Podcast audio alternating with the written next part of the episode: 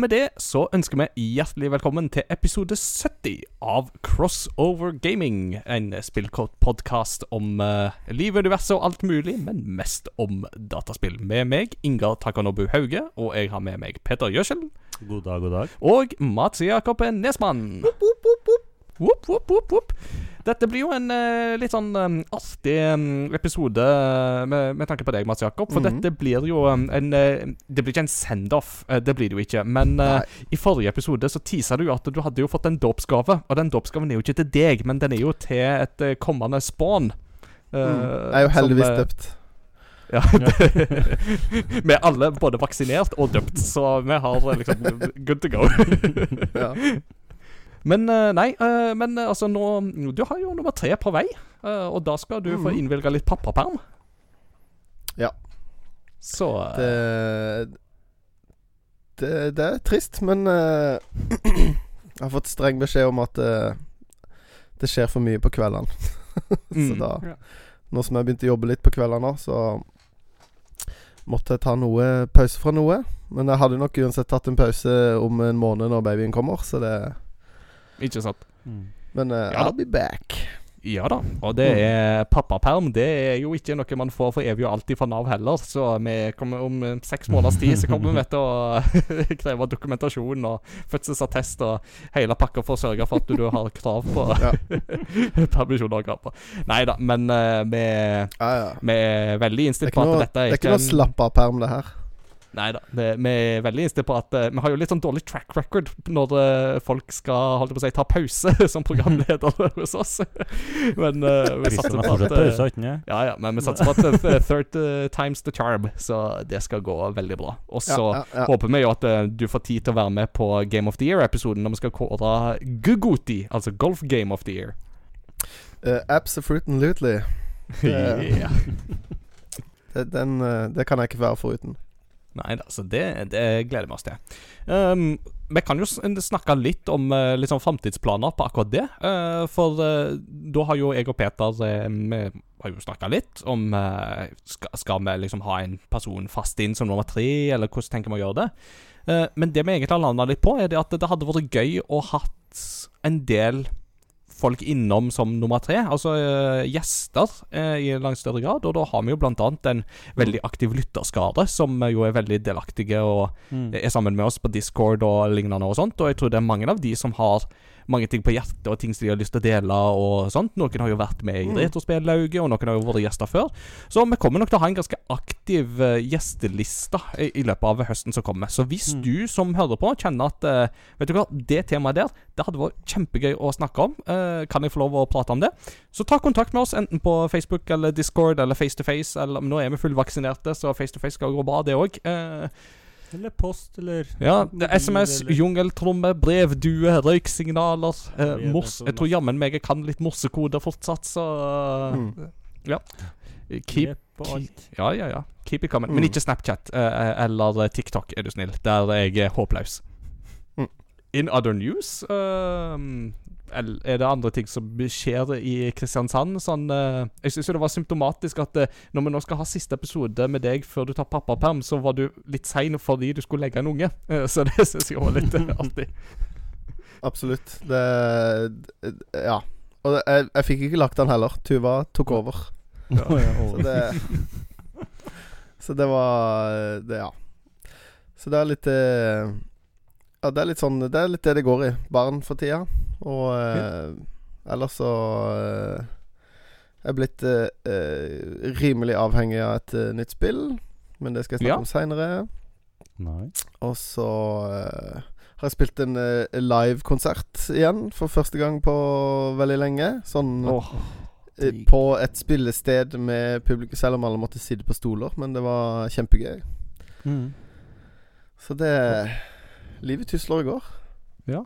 Det var mm. med Ruby Red and The Moonshine Brothers. Det stemmer. Oh. Så bare det navnet der er jo helt fantastisk, da. Mm. Nei, da, uh, dere må ta turen til Oslo uh, igjen snart og spille. Jeg har ennå ikke ja. hatt dere live, men det har jeg veldig lyst til. Mm. Det må du få med. Vi er sabla gode.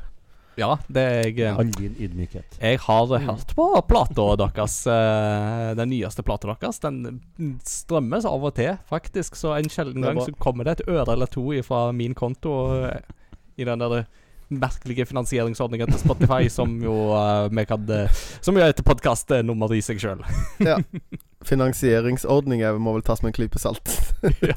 Skal vi bare få Altså Hvis alle lytterne bare finner en gammel eh, PC eller et eller annet, smekker opp Spotify, og så kjører dere dem på replay, og så kan de bare stå i et hjørne og gå eh, hele tida, så begynner eh, økonomisk finansiere den nye kiden til Mats Jakob ja. sånn her med det samme. Det, det er jo en slags, det er en slags et form for kryptomining, det der, ikke sant? Nei, bare, ja. Det går til en god sak. Det. Stemmer for Ja, at vi det skal er- alle sammen nå. Gå sammen. ja, Spre til vennene deres. ja, ja, ja. Jeg er veldig klar for det. In, in other news, nå er både jeg og Peter da fullvaksinerte, så gå og gjør det, folkens. Jeg uh, testa dette konseptet med stikk og stem. Um, det vil si at uh, det var ikke i samme lokale, men jeg tok det liksom i samme økta med at jeg stakk ned på stikkekontoret, eller på helsestasjonen der jeg skulle få min vaksine. Venta den tida jeg skulle vente, og etterpå så tok jeg trikken opp og hoppa av på, på uh, nærmeste sånn forhåndsstemmebod og avla min stemme. Så da er det gjort. Mm. Jeg gikk basically på stemmeboden. Jeg, og gikk ut, og da var han liksom rett utafor, så det var jo kjempe, kjemperealt. Rett utafor der jeg ble bestukket. Men ingen superkrefter. Dessverre. Ingen magnetisme Mm. og ingen uh, spiderweb som uh, sl kan slenges ut. Og Bill Gates er skuffende fraværende, det må jeg si. ja, lite Bill Mm. Gates Ja. og lite Office 365-drømmer og sånt. Så det Mm. Nei, det, jeg vil ha pengene mine tilbake. Um, mm, mhm. Da har du, gjort, du har gjort noe feil hvis du har betalt for vaksiner, tror jeg. Ja, det var liksom det jeg satt og liksom mm. Skattepengene, da, vet du. Skattepengene. Åh. Nei da. Eh, Eller, de eller, pengene er det- eller er det stemmen din de har kjøpt? Ja, ja. Nei da, det er det ikke. Uh, men en annen ting som eh, jeg kunne for så vidt hatt godt av litt mer penger på, det er at uh, nå har jeg fått ny PC i hus. Hey! Og den var ikke billig, for å si det sånn. Uh, så um, Som i gode gamle julekalender, det skal ikke stå på penger.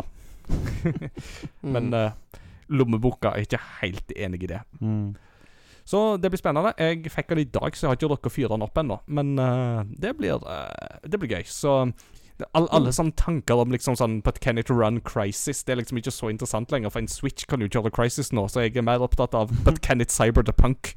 Uh, ja. Det Mm. blir det, det, det, blir stresstesten. Uh, and can it flight the sim? Ja. Så Flight Simulator og uh, Cyberpunk Det blir uh, stresstestene på den Mm. maskinen, tenker jeg. Så det blir gøy. Mm. Vi har uh, mer å snakke om enn uh, bare stemming og PC og eh, vaksiner og pappaperm, så la oss gå i gang med dagens episode.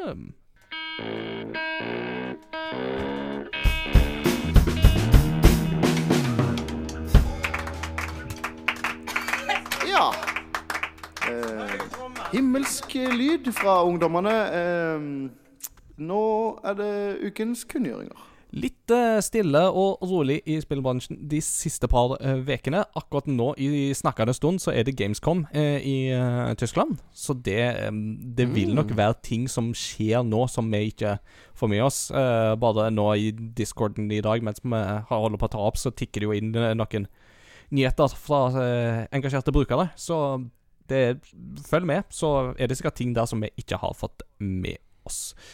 Uh, vi kan begynne mm. derimot i eh, Singapore. Uh, der uh, altså, Det har vært mye snakk om Activision Blizzard og dårlig arbeidsmiljø den, de siste ukene, for å si det sånn. Vi snakket jo lenge om det i forrige episode. Ubisoft er jo et annet selskap som jo har hatt litt sånne problem de siste par årene. og nå er det sånn at Arbeidstilsynet i Singapore har begynt en granskning av Ubisoft-kontoret som er i landet der, etter anklager om trakassering og diskriminering. Eh, dette er da for øvrig det studioet som holder på med Skull and Bones. eh, som det for øvrig kom ganske mye nyheter om i sommer, deriblant det at det er et spill som de har reboota mange ganger fra liksom konsept til å liksom prøve å få til noe, men pga. Eh, arbeidsregler eh, i Singapore så er visst loven sånn at de må levere noe på et eller annet tidspunkt. Så de kan ikke bare kansellere spillet. Så de er faktisk helt avhengig av å få levert noe ut Ah. på et tidspunkt. Så ja, det blir jo spennende å se hvordan den uh, visa putter og går etter hvert. Uh, en annen ting som eh, plutselig var litt interessant nå i uka som gikk, var at uh, plutselig, sånn ut av det blå, så ble eh, spillet Quake relansert til Switch, PlayStation 4 og Xbox. Eh, så plutselig så eh, ble vi kasta 25 år tilbake i tid. For det er jo da i forbindelse med 25-årsjubileet til Quake at Mm. eh, dette kom ut. Og da kan du spille det i 4K, 60 frames, og med noe bitte lite nytt innhold her og der òg, levert av Machine Games, som er jo de som har laga Wolfenstein-spillene, og som holder på med Indiana Jones. Mm. Jeg har jo ikke noe forhold til Quake sånn fra gammelt av, annet enn musikken. Uh, Quake 1 var jo Nine Inch Nails som uh, leverte musikken uh, til, og Quake 2 var jo Sonic Mm. Mayhem. Men jeg vet ikke, Mats Jakob, har du sånn gamle PC-dager der Quake var liksom det store? Nei, jeg hadde ikke det, altså. Det var liksom Det var CS som var kongen. Det var det alle spilte der nede. Og så hadde jo ikke Jeg var jo ikke noen PC-gamer på den tida sjøl. Så jeg hadde jeg, jeg hørte liksom ikke om det eh, før jeg spilte det på Nintendo 64. Og den porten er jo ikke episk. Så jeg har liksom ikke sånn kjempeforhold til Wake. Men musikken syns jeg er veldig bra. Mm. Mm. Jeg har faktisk Nintendo 64-versjonen i hylla her Mm. bak. Så jeg plukka den opp på eh, en sånn Jeg tror det var noe annet jeg skulle kjøpe av spill, og så var det med. Så det var bare sånn Ja, ja, sleng det på. Det, jeg har ikke det, Mm. så It's another nice addition to my collection. Videre. ehm, det kom et Call of Duty i år òg. Uh, tenker seg til. Uh, det tror jeg folk har hørt om. Det har vi jo litt Mhm. mer forhold til. Tenk det. Uh, og Call of Duty Vanguard eh, er det jo da det heter, og kommer 5. november. Ehm, det skal visst ha en campaign, etter det jeg skjønner, der du følger spesial, eh, de første spesialsoldatene på alliert side under andre Mm. verdenskrig. Eh, Petter, du er jo kanskje den mest aktive eh, Call of Duty-spilleren av oss tre. Har du noen tanker rundt uh, Vanguard? Om sjøle spillet så har jeg veldig lite tanker, og fordi altså, jeg spiller Warzone Uh, Det ble jo tisa ganske Jeg har vært tisa der ganske en god stund nå. Typ, Mm. For eksempel i um, Hvis at du Når du vant eh, Battle Royale eh, og så, så kommer du til helikopter, og så skal du ta en sånn zipline opp i helikopteret, hvor da den siste personen blir skutt og detter ned på bakken, og så fikk du se en kvinnelig sniper eh, snikskytter, da. Eh, der, som var en sånn teaser. Og så har jo, jeg har jo sett traileren Mm. eh, og fått med meg liksom eh, Ja. Men jeg har ikke kikka noe mye mer inn eh, det, faktisk. Nei. Jeg er ikke så gira på det, for å være helt ærlig. Hmm. Men uh, ja. Ja. Det, Nei, det er lov, det. Det er Call of Duty eh, har, Det kommer jo årlige lanseringer, så jeg skjønner jo det at mm, Det er kanskje ikke alt som blir like engasjerende, men, mm. men det blir jo spennende å se, da. Og det mm, det blir jo litt interessant å se om sommerens Activision Blizzard-saker påvirker Call of Duty-salget i noe eh, særlig grad. Det er jo kanskje det jeg er mest interessert i å Mm. følge med på i dette her. Uh, men det gjenstår jo å se. uh, og ikke minst da liksom vil Warzones popularitet faktisk gå utover Vanguard òg. At folk er sånn Ja, men jeg har Warzone, da trenger jeg ikke noe annet Call of Duty. Så det er spennende å se da hvem som eh, om eh, Call of Duty klarer å holde, holde på folkemassen, eller om eh, Battlefield. Ja. Eh, hvor mye vil Battlefield egentlig ødelegge for eh, Warzone og Call of Duty den uh, tida som kommer? Mm. Og ja, jeg vet ikke helt om Vanguard er sterk nok til å stå imot det. Sånn som jeg har fått med meg, i hvert fall. Mm. Nei da, så det, det må vi um, Tida vil vise. Mm. Så vi får se. Et spill som uh, du og meg iallfall gleder oss til, Peter, å spille, det er jo Halo Mm. Infinite. Eh, men det kommer et par nyheter uh, om det spillet. Mm. Det ene er i dag, så er det kommet en uh, lekka dato, nemlig 8. Mm. desember. Skal Halo Infinite singleplayer-delen lanseres. Men den dårlige nyheten er at dette blir lansert uten Coop og Forge. Åh, det er jo bare Det er jo krise. Ja, altså, og det For deg og meg Så Altså, du er min Halo-makker. Mm. Og det at du og meg ikke kunne spille Halo 5 i lag, det var jo sorgens kapittel. Og det var jo så mye reaksjoner etter at de fjerna det i femmeren. Mm. At de ikke lærer, liksom. Det syns jeg er litt rart. Det, Og altså, de, de sier jo at det kommer jo. Altså, Mm. Den gode nyheten er jo at det kommer. Det bare kommer Mm. ikke til lansering. Eh, men hvis det ikke kommer til lansering, så blir jo egentlig sånn Men det er jo det jeg vil ha eh, Mm. ved lansering. altså, jeg ville heller hatt coop ved lansering enn en ren enspillerdel ved lansering. Altså Men ja. Det, det, det, det er klart det er krevende eh, tider. Altså, det er krevende å jobbe med Mm. disse tingene. Jeg skjønner det. Eh, jeg er ikke sint, bare, bare litt skuffet. Jeg er ikke veldig veldig skuffa engang. Jeg er bare litt skuffa, så Lett for deg som har en Xbox, det. mm.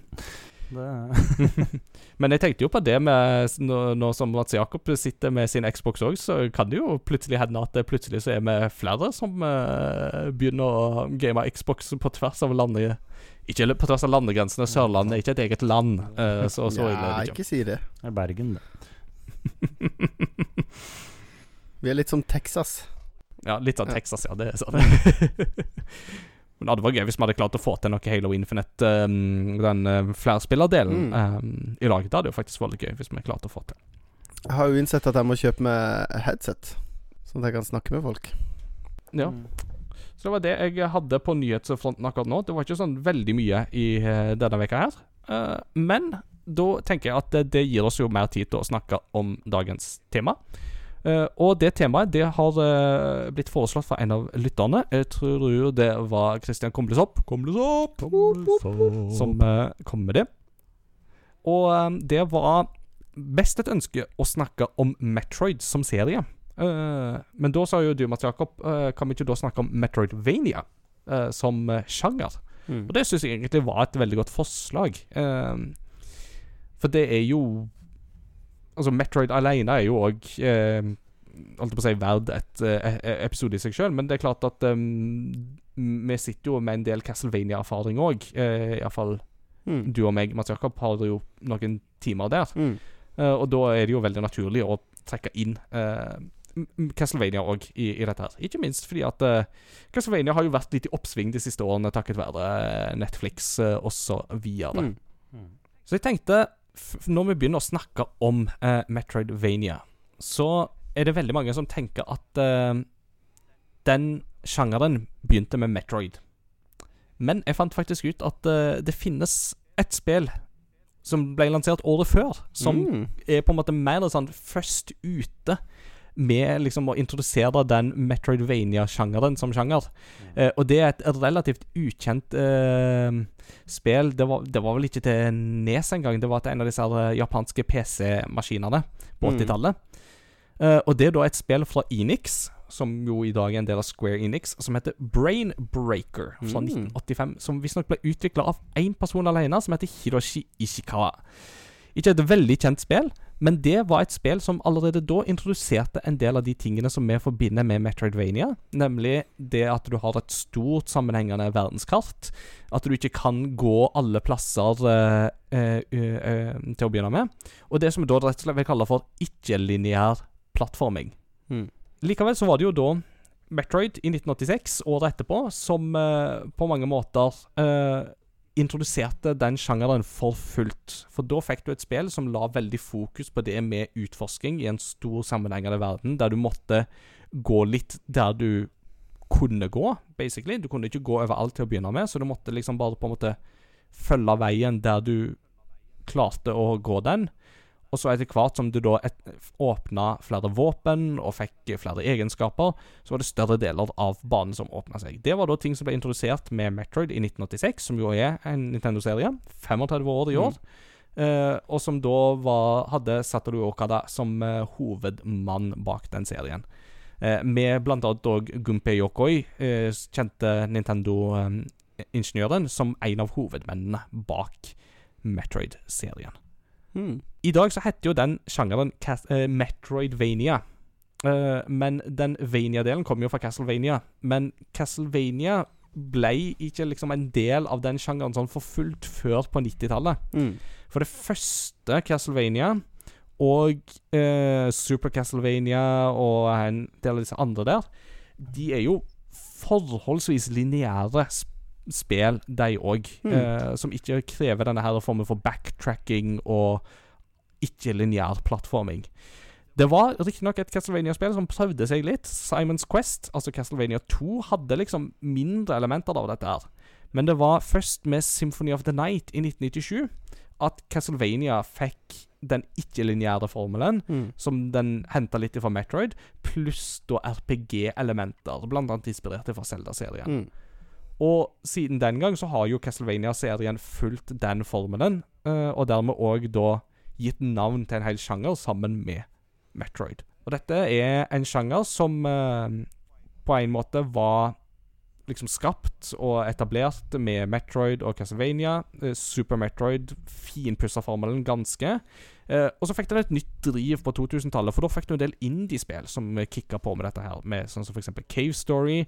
Eh, du fikk Shadow Complex i 2009. Du har Guacamele, uh, som òg er i den eh, sjangeren der. Axiom Verge, ikke minst, nå i 2015.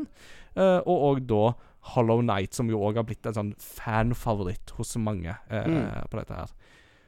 Og et spill som jo da ikke er nevnt i den forbindelse, fordi det på en måte ikke er indie siden de har Microsoft i ryggen, det er jo Ori-spillene. Mm, mm, mm. Ori and the Blind Forest og Ori and the Will of the Wisps er jo moderne Metroidvania-spill. Mm. Castlevania Resident eh, in the podcast. uh, har dere glemt noe så langt? Nei, det syns jeg ikke. Uh, men jeg syns det er jo Altså, det er jo litt eh, fascinerende å tenke på at en sjanger har fått navn fra en serie, og at de var jo da over ti år for, mellom hverandre. Mm. Det er jo rart å tenke på at etter Metroidvania så kom Symphony of the Night i 97, altså elleve år etterpå. Men Mm. uh, det kommer jo mest av at eh, Ja, det var, det var først da det kom noe mer som var sånn, og at det var liksom Mhm. et plutselig et definisjonsbehov. Eh, og så vet jeg at det er veldig mange i retromiljøet som, som ikke liker den betegnelsen. Eh, litt sånn som at folk liker at det kalles for at eh, eh, sånn eh, At folk, at folk kaller spill for shoot em ups, eksempel. At det er litt Mm. sånn Eller shmup. At det er Mm. litt sånn Ja. At de bare ikke liker det, da. Eh, jeg syns jo det er en veldig beskrivende tittel. Som mm. en sånn uoffisiell betegnelse på en sjanger. Ja. Men eh, Ja, nei, altså Jeg føler jo at eh, Castlevania gjorde et nødvendig hopp, da, i sjanger. Mm. Eh, det fins jo Altså, de andre spillene var bra, men det var jo på en måte etter Super Castlevania 4 så er det litt sånn det, det er vanskelig å gjøre noe nytt, og så prøvde de seg på noe nytt, og så var det superbra. Bånnsolid. Ja. Mm. Og det var jo en del av visjonen til nettopp Koji Igarashi da de lagde Symphony of the Night, var jo det at eh, de hadde liksom Mm. han, han følte jo det at eh, Castlevania var liksom kommet inn i på en måte en slags rut, der eh, På en måte at det, det var litt sånn Fansen forventa liksom bare mer av det samme, bare mer og mer utfordrende. Uh, og for de som var Mm. etablerte fans, så var det greit, fordi de var kjent med det. Men det gjorde Mm. det desto vanskeligere for nykommere å etablere seg inn i i, i, i sjangeren. Så han følte på en måte at de måtte gjøre noe helt nytt, og noe som de hadde muligheten med når de da skulle lage til helt nye plattformer som Sega Saturn og PlayStation eh, 1. Mm. Um, som da gjorde at uh, han valgte den åpne tilnærminga, men òg da inkluderte disse her eh, rollespillelementene, som jo Symphony of the Night òg har med at det er stats Mm. som kan økes og sånt. Som jo ikke Metroid har på samme måte. Fordi at Metroid, der er det jo våpen og egenskaper som du oppgraderer, dem, men når du først har oppgradert dem, så er de i utgangspunktet statiske. Eh, det er ikke sånn at du Mm. liksom får pluss én i angrep og går opp i nivå når du har tatt eh, 100 fiender. Mm. Mm. Og så eh, I Castlevania så Altså, jeg skal ikke de snudde ting på hodet. De snudde jo bokstavelig talt ting på hodet. ja, de sånn. Men, uh, uh, men, uh, men det at det, det var også en ny sjanse for å introdusere nye karakterer. Du spiller Mm. ikke en i Belmont-familien. Du spiller eh, Han holdt, holdt, på, holdt på å si eh, Sephiroth, men han heter ikke det. Han heter Alucard. Alucard. Eh, ja. De ligner litt. ja, jeg, jeg Men, skjønner hvor eh, det kommer fra, og det er jo samme året, så Ja. it's, it's Ja. easy to get them mixed. Yes. Men eh, Og at du da faktisk spiller eh, eh, sønnen til Dracula, og ikke en sånn vampyrjeger. Eh, som da gir Hva skal jeg si Legitimerer disse litt overnaturlige evnene osv. mm. Det var jo ganske dødt i den sjangeren på en måte Ikke Altså, Castlevania-spillene fortsatte jo, men eh, Men som du sier, det skjedde liksom ikke så mye før ti år etter der igjen, med sjangeren. Hvor indiespillene kom og adopterte sjangeren, da. For det er, jo en, eh, det er jo en god måte å bake mye inn i et spill uten at spillet er kjempestort i fysisk størrelse. Mm. Eh, og som jeg tøysa med i Castlevania, at de endrer jo på hele brettet ved at slottet du er i, blir bokstavelig talt snudd på hodet, og så spiller du slottet opp ned.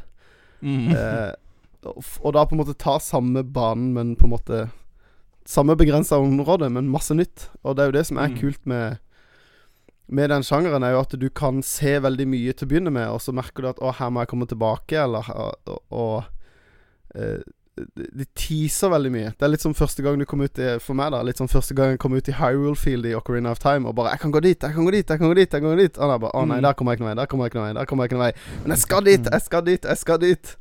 Jeg må bare mm, få det til. En dag så skal jeg den veien. Men eh, Nei, så det Jeg, jeg, jeg syns jo kanskje En av grunnene til at jeg liker sjangeren veldig godt, er jo også fordi jeg er veldig glad i indiespill. Jeg syns det er veldig gøy med spill som etterligner eh, store titler, da. Og på en bra måte, da. Det fins jo mye ræl òg, Mm, mm. men eh, Men eh, jeg syns det, det er veldig stas at, det, at fansen, eller folk som er liker en sjanger veldig godt, ikke lar han dø ut når det er en litt sånn snever sjanger. Mm. Ikke sant. Ikke sant. Uh, og, og det er jo som du sier, ikke sant, at uh, Altså, du har jo Castlevania mm, gjorde ting som gjorde at den sjangeren Altså at de spillene kom inn og var med, har vært med på å definere den sjangeren. Mens Metroid på si side, ikke sant Altså, du hadde Super Metroid kom ut i 1994 til Super Nintendo. Tilnærma perfekt for det. Altså, fortsatt en dag i dag så er Super Metroid et av mine all time favorites, uh, by far. Eh, Både innenfor sjangeren generelt, men også, både innenfor sjangeren, men også innenfor spill generelt, så er Super Metroid bare et helt fantastisk spill. Det kommer jeg litt tilbake til. Men etter Mm. Super Metroid så lå jo Metroid-serien brakk. eh, ganske lenge. Det hoppa jo over Nintendo 64-generasjonen. Og det var jo først i 2002, da de både Mm. lanserte Metroid Fusion på Game Boy Advance, som var mer Metroid i 2D, sånn som jeg kjente det til. Eh, men òg da samme dato Mm. slapp de jo Metroid Prime, som var 3D Metroid på GameCube. Eh, så det gikk Mm. åtte år der, og hoppa over en hel generasjon før de gjorde noe mer med Metroid-serien. Og så, eh, etter Mm. da Metroid Fusion, så har det jo gått helt fram til nå i år at du først liksom får en kontinuasjon på den historien. For Prime har liksom begynt å leve sitt eget liv. Det er liksom sånn at du nesten har fått liksom to Metroid-serier som går parallelt, for at du får liksom Mm. 2D Metroid og 3D Metroid, som Mm. har på en måte hver sine tilnærminger. Uh, og det at det da skulle Mm. gå liksom så lenge, hvis vi ser bort ifra Metroid Zero Mission og Metroid Samus Returns, som er remakes av gamle Metroid-spill, så Mm. er det jo faktisk helt siden 2002 at, det, at vi ikke har fått noe nytt 2D Metroid i Metroid-serien. Og det Mm. er det jo veldig mange fans som er klare for i høst. Ikke minst undertegnede. Uh, blant annet fordi at det virker som at de virkelig har Mm. den Metroid-følelsen med at her er det litt Her skal det utforskes, og du er litt underlegen til å begynne med. Og det er en litt sånn guffen uh, alien-stemning eh, som Mm. ligger liksom som et sånt lokk over hele omgivelsene. Så det blir, det blir gøy. Mm. Hvis vi på en måte Men hvis noen da spør eh, Peter, Mm. eh, når vi snakka nå før episoden begynte, så måtte jeg jo spørre liksom Ja, hva er ditt favoritt eh, eh, Metroidvania? Og ditt svar var Nei. Eller jo, Super Smash Bros. Ja. Og for så vidt eh, Netflix, da. ja. det er sant, Netflix kan av og til føles som en sånn der virvar de måtte manøvrere seg gjennom. Det er liksom eh, Ja, der, der, der har du meg. Ja, men, men, men, men det passer jo veldig bra. For eh, hvis du nå på en måte spør Eller, eller hvis vi nå skal forklare for deg hva kjennetegner sjangeren Metroidvania, eh, så, så er jo det et litt sånn nyttig definisjonsspørsmål òg. Um, vi har vært litt inne på det allerede, men altså Metroidvania vil jo i praksis si du har et Altså det er et ikke-lineært plattformspill.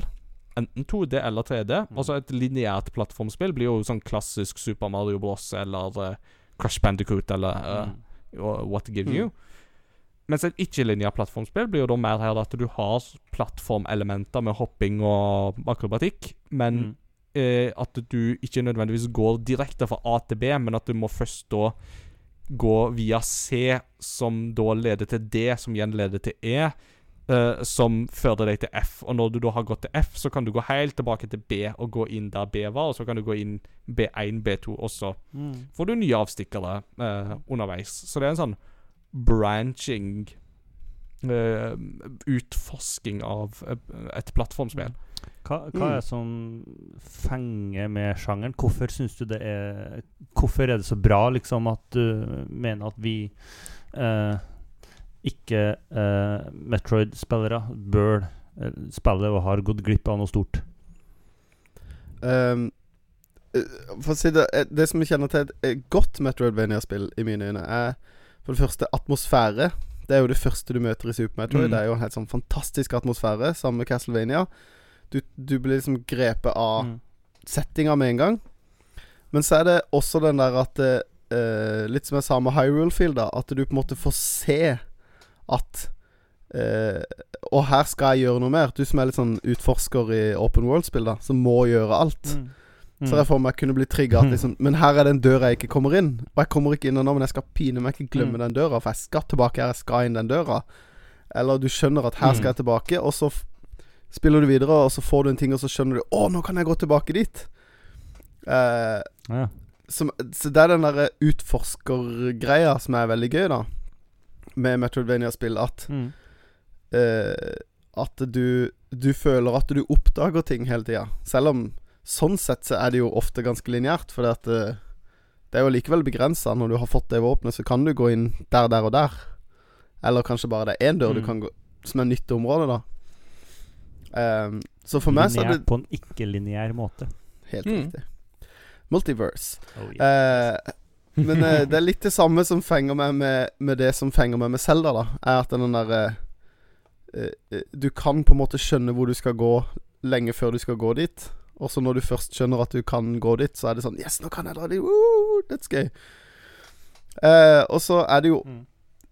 på en måte Det er jo samme oppskriften som en lineær plattformer. At du må ha tight kontroll. Du må på en måte føle at du har full kontroll over den eh, karakteren du er. Eh, og så er det jo sånn Mm. våpenoppgraderinger der som er sykt stas. Liksom Å, nå kan jeg endelig gjøre det. Nå kan jeg skyte bomber. Nå kan jeg ta de fiendene Ja. lettere. Eh, Mm. Sånne ting, da. Det, det er det som på en måte fenger meg med sjangeren. Det er liksom Det føles som en litt sånn voksen plattformer, hvis du skjønner hva jeg mener. Det er på en måte litt mer enn bare gå til høyre. Mm, ja.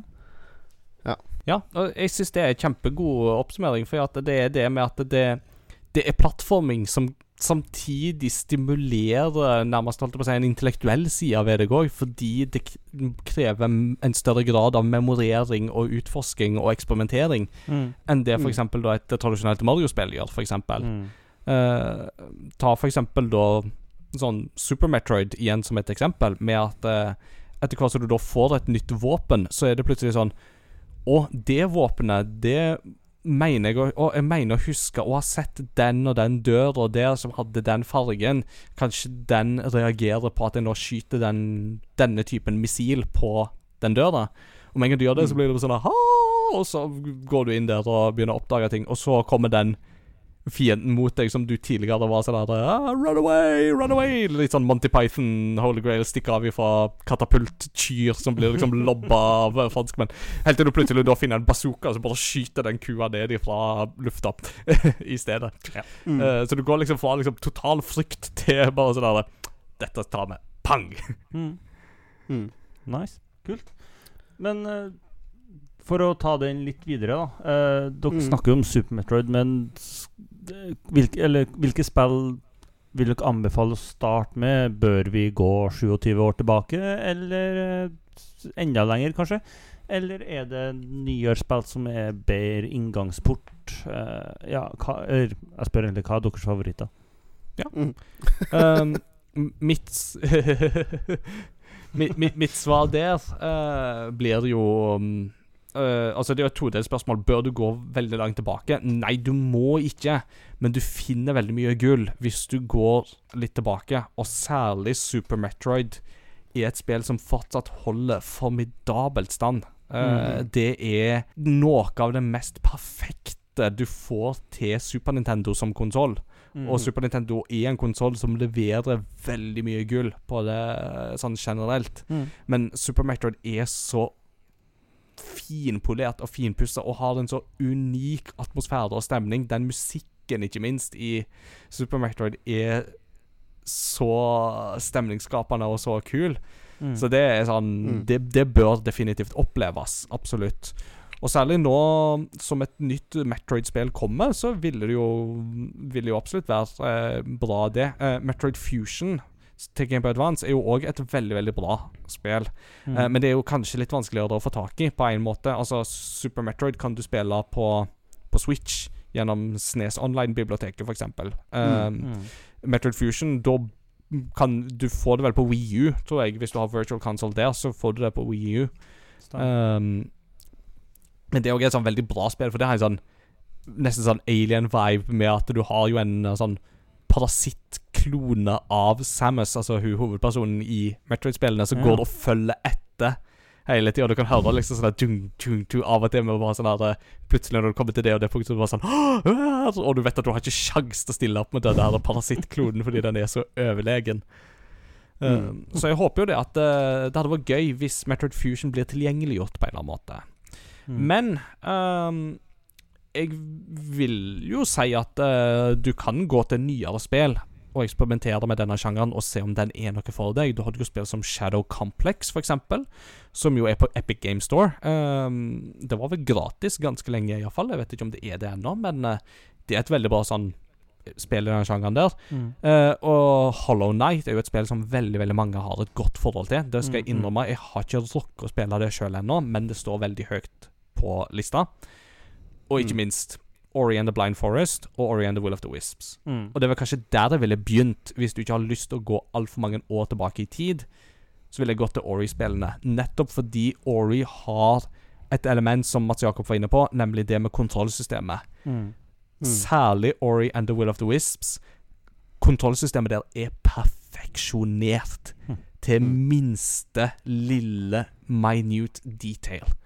Og Det er det er så gøy å spille det spillet, fordi uansett hva du gjør, så merker du hele tida at hvis jeg gjør feil, så er det bare jeg som gjør feil. Jeg må bare prøve igjen. Mm. Ja, det skal jo spille i år på arbeid, så jeg har ikke noe valg. Så det skal vi fikse. Mats Jakob, dine favoritter? Uh, ja, jeg, jeg kan jo begynne med uh, Jeg mener jo at uh, Metroid 1 er vanskelig å gå tilbake til. Eh, fordi at Mm, det er Det er veldig vanskelig. Det kartsystemet fungerer Er det kartsystemet i det hele tatt i Metroid? Jeg husker ikke. Men det er, det er ganske Jeg tror ikke det er det i or Jeg tror ikke det er det i originalen, Ikke men hvis du spiller den Nei. eh, nye versjonen, Metroid Zero Mission, på Game Boy Advance, Ja. så har jo den en god del kvalitetsforbedringer, og den vil være eh, lettere å gå tilbake til. Ja.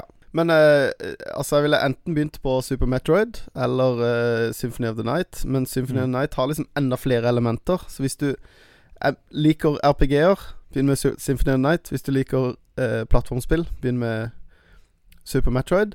Eh, jeg syns jo at alle skal spille min personlige favoritt, som er Euphoria The Saga. Det er jo en s- Metroidvania. Eh, det Er det det? et det er en Metroidvania, bare at du unlocker ikke abilities du unlocker, Eller jo, du unlocker karakterer og abilitiesene de sine. Så du har på en måte dobbelt lag. Er kjempebra spill. Og så er det ikke så veldig langt heller. Eh, Mm. og det har passordsystem, sånn at du kan faktisk begynne der du slapp. Eh, det kan du jo ikke i Metroid, tror jeg. Det er lenge siden jeg har spilt Metroid. Eh, nei, jeg liker de veldig godt. Også Axiom Verge er jo på en måte en sånn moderne Metroid.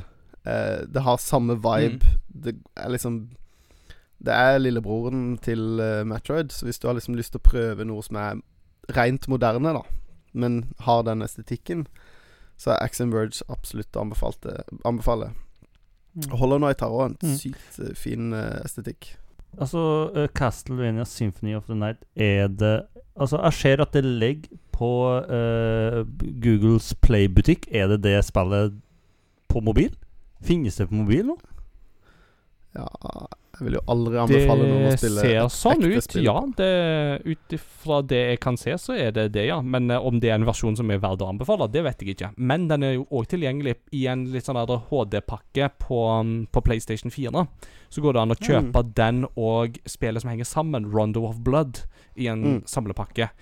Ulempen hvis du kjøper den samlepakken, er jo det at de har jo forbedra oversettelsen. Og det er jo litt synd, fordi at er det jo én ting folk virkelig forbinder med Symphony of the Night, så er det jo den litt tacky oversettelsen. Ikke minst det ikoniske Dracula-sitatet What is a man? A miserable pile of secrets, but enough talk, haven't you? Og god stemning. når du ikke får det, da, da mister det jo litt poddus. Uh, Mister litt av piffen, da, syns jo jeg. Ja. Uh, men det er tilgjengelig. Så Så da trenger tilgjengelig på PlayStation 33 kroner på Google Play. Nei, For å på en måte Jeg føler liksom eh, Vi hadde jo besøk av eh, vår gode venn Eirik Hauge. Erik! Han var jo veldig ærlig på at han ikke liker plattformspill. Eh, Mm. og jeg syns Hvis jeg skulle på en måte solgt dette til Eirik, så hadde jeg på en måte umiddelbart tenkt at dette blir en hard sell, for det, det er jo et plattformspill. Eh, men jeg ser for meg at hvis du liker RPG-spill, men ikke liker plattformspill, eller tenker at det ikke er en sjanger for deg, så ville jeg jo f.eks. prøvd Symphony of the Night for å se, for det, det er jo et Hva skal jeg si 2D actionspill, da, mer enn Altså, det er jo mye plattforming, men det er ikke liksom det som er Hva skal jeg si meat and potatoes i spillet, da. Eh, men hvis du liker plattformspill, Mm, så vil jeg jo Absolutt. absolutt heve meg på en uh, Prøvd meg på en Metroidvania, bare for å se om du liker den der uh, exploration-biten av de spillene. Mm. Det var det jeg hadde å si om det. Eh, og mens vi er inne på Castlevania, så må vi jo ikke glemme at det finnes jo tre Castlevania-spill på DS, som jo visstnok uh, Igjen, dessverre, jeg har ikke kommet så langt at jeg har testa de sjøl, men jeg har skjønt at de er veldig veldig gode. De jo, mm, Mange oppholder jo de som kanskje noen av de beste i serien, sånn bortsett fra Symphony of the Night. Uh, mm. Order of Ecclesia, Harmony of Ruin og uh, ja, Jeg husker ikke alle titlene, men det er iallfall tre spill på DS som visstnok skal være veldig gode. da Og, og det ryktes jo at uh, kanskje det kommer en ny sånn samlepakke med Castlevania-spill, for det finnes jo allerede en sånn Castlevania Anniversary-samlepakke med en del av de eldste uh, spillene, altså Castlevania 1 og 2 og 3 og 4 og Bloodlines og, og sånt, men du har liksom ikke noe som samler på en måte en del av de der Metroidvania-spillene til Castlevania-serien. Mm. Som da inkluderer Symphony of the Night, eller disse på DS, eh, eller dette her eh, Disse, hva skal vi si, ikke like vellykka 3D-spillene som kom til Nintendo 64, og det er litt bedre som kom til PlayStation 2. Mm. De to som kom til Gameboy Advance, er òg veldig gode. Hvis ikke du har spilt Ja, de. stemmer det. Uh, det der mm, Stemmer. Du, der du har um, Einar, der du har eh, Sola del Cruz, eller hva han heter, som er en uh, Sola Cruz, tror jeg han heter. En Mm. av disse her figurene. Så du spiller jo ikke som en Belmont, men som en helt, helt annen figur. Men uh, ja, det stemmer det, at det òg er Mm. spill som ofte holdes i høy hevd. Så Mm. vi får se om de Det, det hadde vært en gøy samlepakke. Ja til samlepakker, rett Oh, og yes. slett. Jeg føler liksom at uh, Nå har jeg fått liksom sagt det jeg vil om, uh, om sjangeren. Mm, som sagt, jeg gleder meg veldig til Metroid Dread kommer nå i oktober. Det, det er forhåndsbestilt og klart på dag én. Da, da skal jeg bare storkose meg med den stemninga der og bare ha det kjekt, rett og slett. Og så må jeg forsynt meg å spille Hollow Nights. Der vet jeg det er mange som vil slå meg på pukkelen fordi at jeg ikke har gjort det. Og bare 'Du er kjekt gamer, for du har ikke spilt Hollow Night'. Ah, da, da, da. Men uh, tid, vet du. Det holder bud. Så får ikke tid til alt. Jeg tenker at um, med det så innleder vi en uh, liten pause. Eh, med litt musikk fra Castlevania, selvsagt. Det må jo til uh, når vi snakker om uh, sjangeren her. Det var liksom Metroid eller Castlevania. Was no, no way around. Og så er vi tilbake med litt uh, lytterpost og hva vi har spilt i det siste etter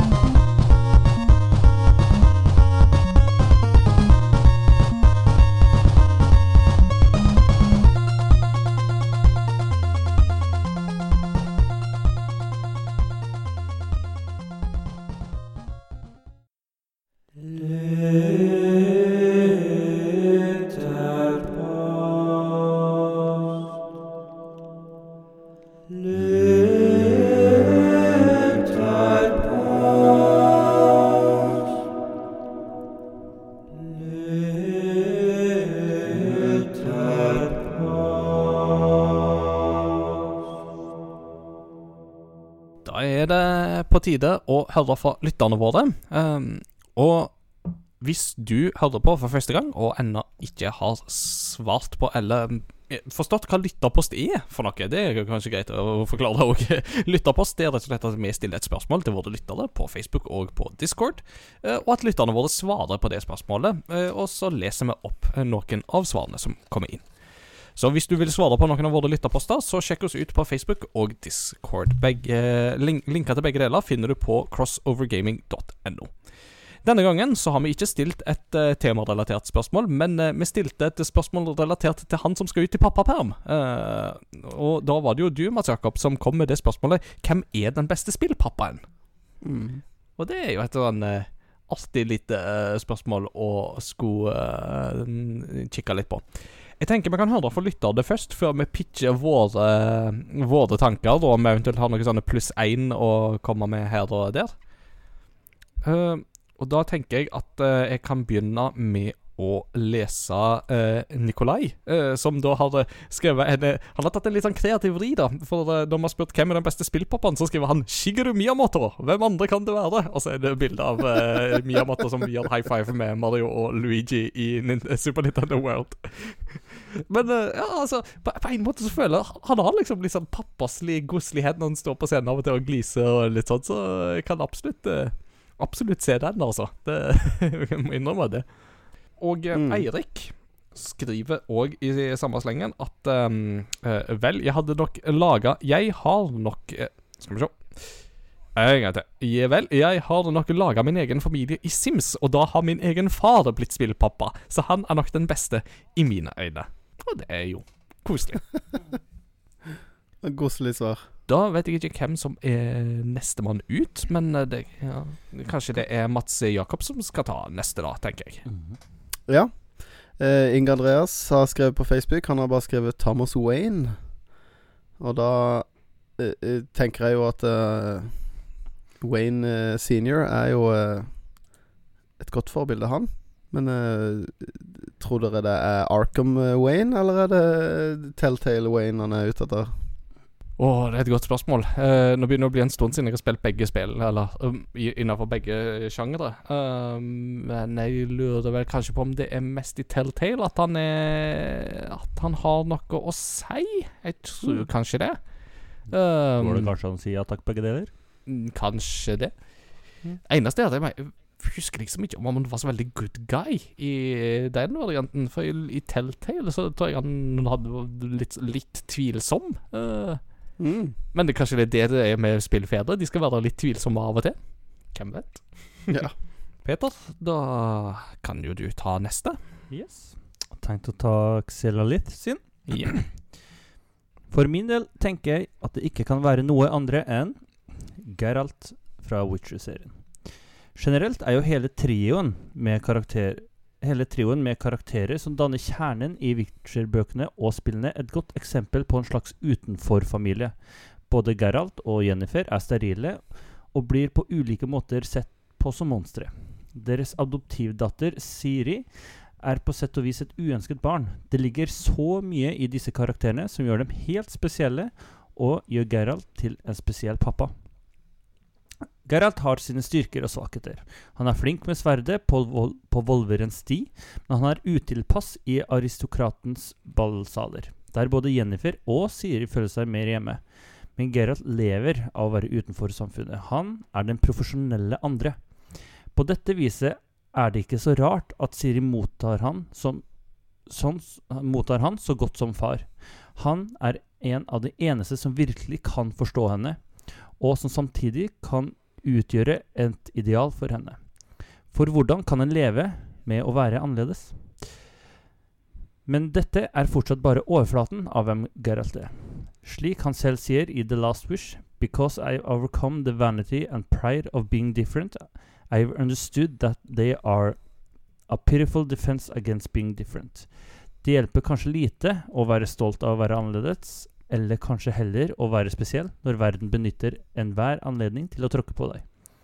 Geralt er flerfoldig, nyansert og reflektert. Siri har så godt av å ha ham i sin oppvekst, som kan bringe, vid som kan bringe videre gode lærepenger uten at hun selv trenger å tråkke salaten. Ja, det er nok ikke bare hun som har godt av å ha, rollemodell, ha en rollemodell som Geralt. Ja. Det er altså det er imponerende skriving. Det pluss én hele veien, egentlig, Mm. fra min uh, side her. Så det Ja. Nei, jeg kjente meg Jeg var så enig i så mye at den her, den ville jeg ha. Så det er veldig godt uh, svar, Mm. det må jeg si. Det er veldig, Mm. veldig enig i det.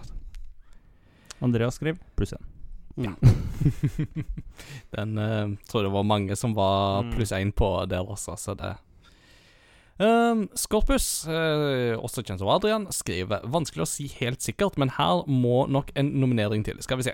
Kratos for sin usikker måte, usikre måte å takle eh, enefars Eller um, alenefarsrollen overfor Atreus. Bowser mest fordi han er den første spillfaren jeg har visst om lenge. Tenker at disse to nominasjonene er innenfor.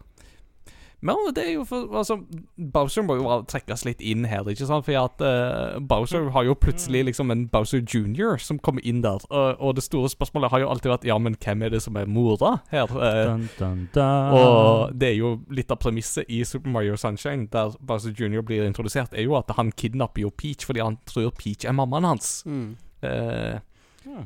og så var det vel i forbindelse med Nintendos Nei, Marios 25-årsjubileum Nei, 30-årsjubileum, Mm. var det vel. Ja.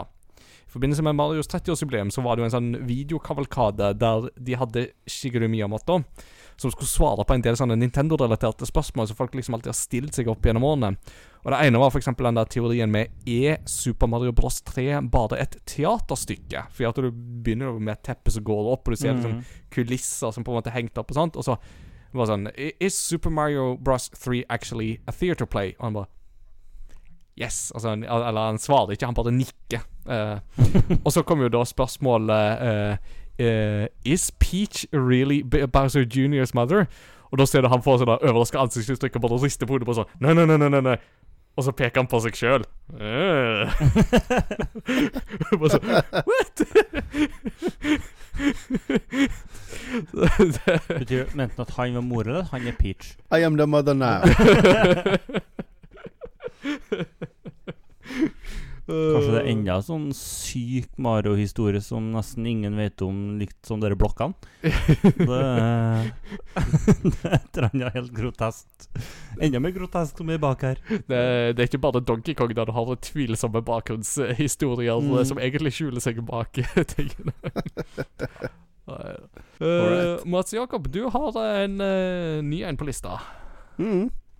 Uh, Godspark skriver følgende Hades Nei, han er vel ikke akkurat en perfekt far. Likevel er feilene hans med på å gi liv til en rørende historie om en far, en sønn og deres skakkjørte forhold. En lignende, et lignende eksempel er Dracula fra Netflix sin Castlevania-serie, som ikke akkurat gjør seg aktuell til Nobels fredspris, men som likevel er en far helt og fullt til siste slutt. Mm. Mm. Absolutt. Jeg er veldig, veldig enig i den der. Og det er jo Høydepunktet i Castlevania-serien er jo slutten av sesong to. Eh, når Dracula får det sånn åpenbar Altså, han får liksom en slags epifani liksom ganske liksom mot slutten med liksom at eh, sånn, hva, er det jeg holder på med? Eh, I, I, Mm. I'm, I'm, I'm, I'm, I'm murdering my boy, liksom. Altså, det det, det øyeblikket der Jeg husker mm, vi snakket jo om det med Christian eh, da den sesongen liksom var fersk. Og det var jo Mm. sånt øyeblikk som virkelig gjorde inntrykk på Christian, husker jeg. Og det er sånn Yes, det står veldig sterkt i, Mm. altså. Mm, Definitivt. Absolutt. Enig. Peter, var det noen flere igjen da? Eh, På Discorden? Eller hadde Nei, for du tok bare den ene lange der, ikke sant? Ja. Så tror jeg du tok Ja. og fiksa resten. Ja, og da tror jeg vi egentlig har vært gjennom alle. Mm. Er det noen vi har glemt oppi dette her? Eh, Kan jeg komme med eh, Det blir litt Litt sånn som Gerald eh, svar, og litt Han var jo for så vidt far òg, men Joel ja. vil jeg faktisk trekke fram som en uh, kandidat. Mm. Eh, som virkelig går eh, alle lengder. For eh, altså Bare den starten er jo For han er jo helt forferdelig i eineren. Og hvordan han blir som en farsfigur for Ellie eh, etter hvert. Mm. Mm. Så den, den- ja, den tenkte jeg på egentlig sånn øyeblikkelig. Mm. Jeg syns jo, eh, for å trekke fram en eh, slags eh, spillpappa Jeg syns jo Yoshi i Yoshi's Island, Super Mario World 2 Han er jo en slags pappa som driver og Ja. mister ungen sin hele tida. Det er veldig relaterbart. Bare sånn Uten noen videre sammenligning. Men Nei, det er jo, det er jo litt søtt, hele den At han bærer denne ungen på ryggen, på en måte. Det Han gjør jo en slags sånn pappajobb, da. Mm, definitivt. Uh, jeg har òg lyst til å trekke inn uh, Torbjørn, ready to work, fra Overwatch. Uh, for Torbjørn er jo pappaen til Brigitte. Mm. Ikke sant? Ja, og turrets, for så vidt. Ja, ja, og, altså, og greia der er jo det at eh, Torbjørn eh, går ikke av veien for å la dattera følge i hans eh, fotspor. eh, Selv om det kan være både farlig og risikofylt yrke. Og Torbjørn eh, har nok kanskje angra på et par ting han har jobba med med tanke på Omnix og sånt opp gjennom årene, og sånt men eh, han lar likevel dattera få lov å liksom henge seg med på, på det. Eh, og, og, og Reinhardt i Overwatch fungerer jo nesten til tider som en slags holdt på å si, reservepappa for uh, ja, eller, eller, eller sånn fill- filleonkel, Mm. uh, på en måte, for eh, Brigitte.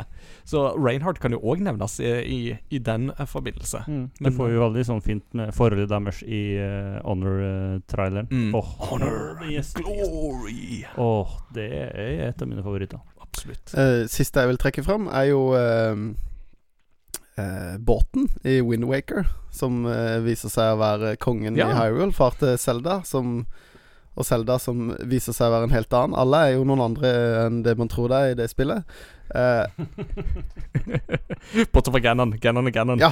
han, er, han er seg sjøl. eh, men eh, jo, jeg syns det Jeg syns liksom eh, i Ocarina of Time og sånn, så er han jo på en måte bare en sånn derp som taper mot eh, Ganondorf og lar seg lure. Mens her er han på en måte litt mer sånn Han fighter, da, for, eh, for sitt.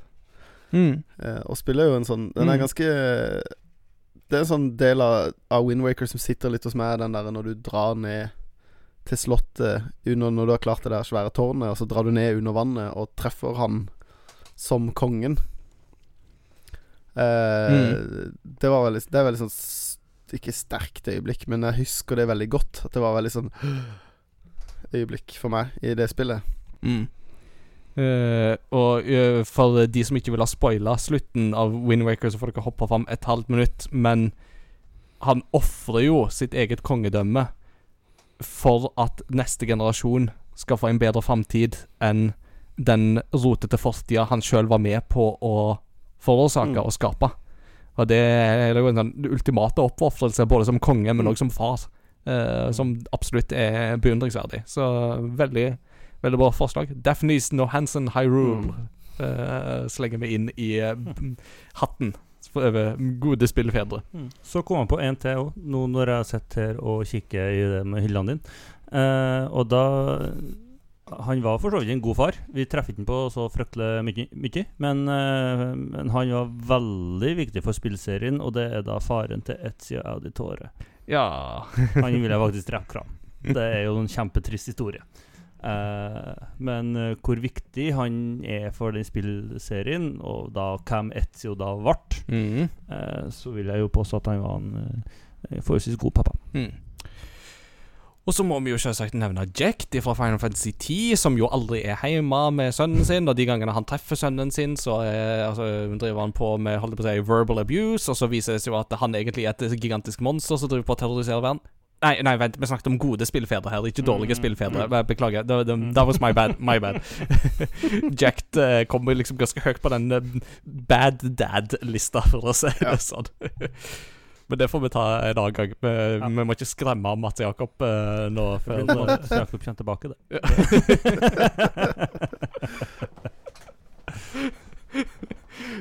Så håper vi at du er på denne lista, ikke den forrige. Eller på neste. ja, Vi får slenge inn Mats Jakob på denne her. Han er den eneste av oss tre som kan absolutt kalles en spillpappa, så det må vi jo si. Ja. Så det var det vi hadde å by på for lytterposten denne gangen. Følg med neste uke. Da stiller vi nytt spørsmål til lytterne våre. Og jeg er klar for å høre mer fra dere. Vi setter pris på alt som blir skrevet. Vi får ikke lest opp nødvendigvis alt, men uh, i dag så gjorde vi faktisk det. Men uh, selv om vi ikke leser opp alt, så verdsetter vi alle svarene som kommer inn.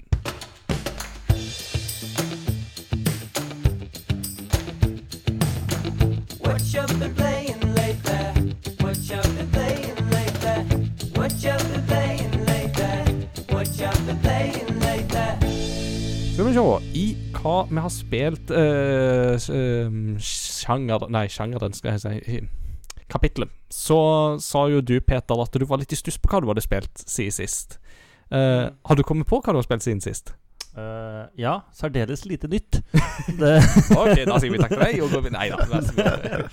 det, eh, det har gått fryktelig mye det samme i det siste. Det er Warzone. Det er litt rann, eh, driver fortsatt og koser meg med Assassin's Creed Valhalla. Det sprenger ut som en gærning. Dere skal til Frankrike nå. Ja. Så det blir, det blir veldig Det håper jeg blir veldig kjekt. Eh, Ringfit Adventure prøver fortsatt å bli fjernet, få fjerna koronamagene. Sånn, eh, eller beskyttelser for magemusklene er vel egentlig det jeg går med rundt med. Eh, også, men så tok jeg opp Jeg kom jo på et Jo. eh, Fall Guys har jeg ikke spilt på et år. Uh, for nice. Eh, ja. Og det er like irriterende som før. Eh, spesielt når kontrollen slutter å virke midt i spillet. Eh, det er ikke er vanskelig nok. Sjøl når jeg holdt joysticken helt fram, og så gikk den bakover. Det var meget fascinerende. Mm. Ai, ai, ai. Der hadde det skjedd mye i det. Sånn uh, far fargespekteret og nye baner, og alt har blitt større. Det Kult. Ja. Kan jeg bare spørre, hva plattform spiller du det på, siden du får så problemer? Jeg spiller på PC. Hmm. Og så har jeg en Xbox-kontroller kobla til, og den eh, er kjøpt i fjor. Eh, og som er Og har ikke fått brukt den Har brukt den en del, liksom, men ikke Vi snakker jo ikke mange døgn engang, så det er jo Så jeg må det, Jeg håper bare dårlig ledning eller noe sånt. Ja. Så jeg må få sjekka opp det. Men det har altså Det er veldig lekkert, Mm. eh, spillet. Det har altså fått veldig mange nye baner det siste året. Og som sagt, alt sammen er Altså Mange av banene er mye lengre, og det er mye større baner. Som da krever mer av deg. Eh, samtidig du har rom for flere feil. da eh, Fordi ja, det er så mye som kan skje fram til mål. Hmm. Eh, men den bønna er fortsatt like frustrerende. Og er så nusselig, men hva, hva memen sier? The damn smile, eller hva nå er? Sånn, ah. du må like, men du hater det. ja. Så det, det, det er veldig kjekt, og det holder seg jo like Underholdningsverdien er lik som det alltid har vært. Ja. Du vet hva du får nå. Så gøy. Mm. Jeg, eh, lenge siden jeg har spilt Fall Guys, men det hadde vært gøy å tatt opp igjen. Mm.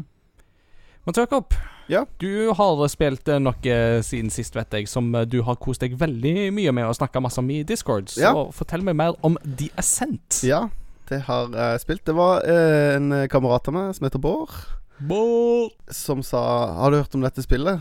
Eh, jeg tror det kom i dag. Så sa jeg ja, ja. Så gikk jeg inn og sjekka, og så sa jeg ja, det er jo på GamePass.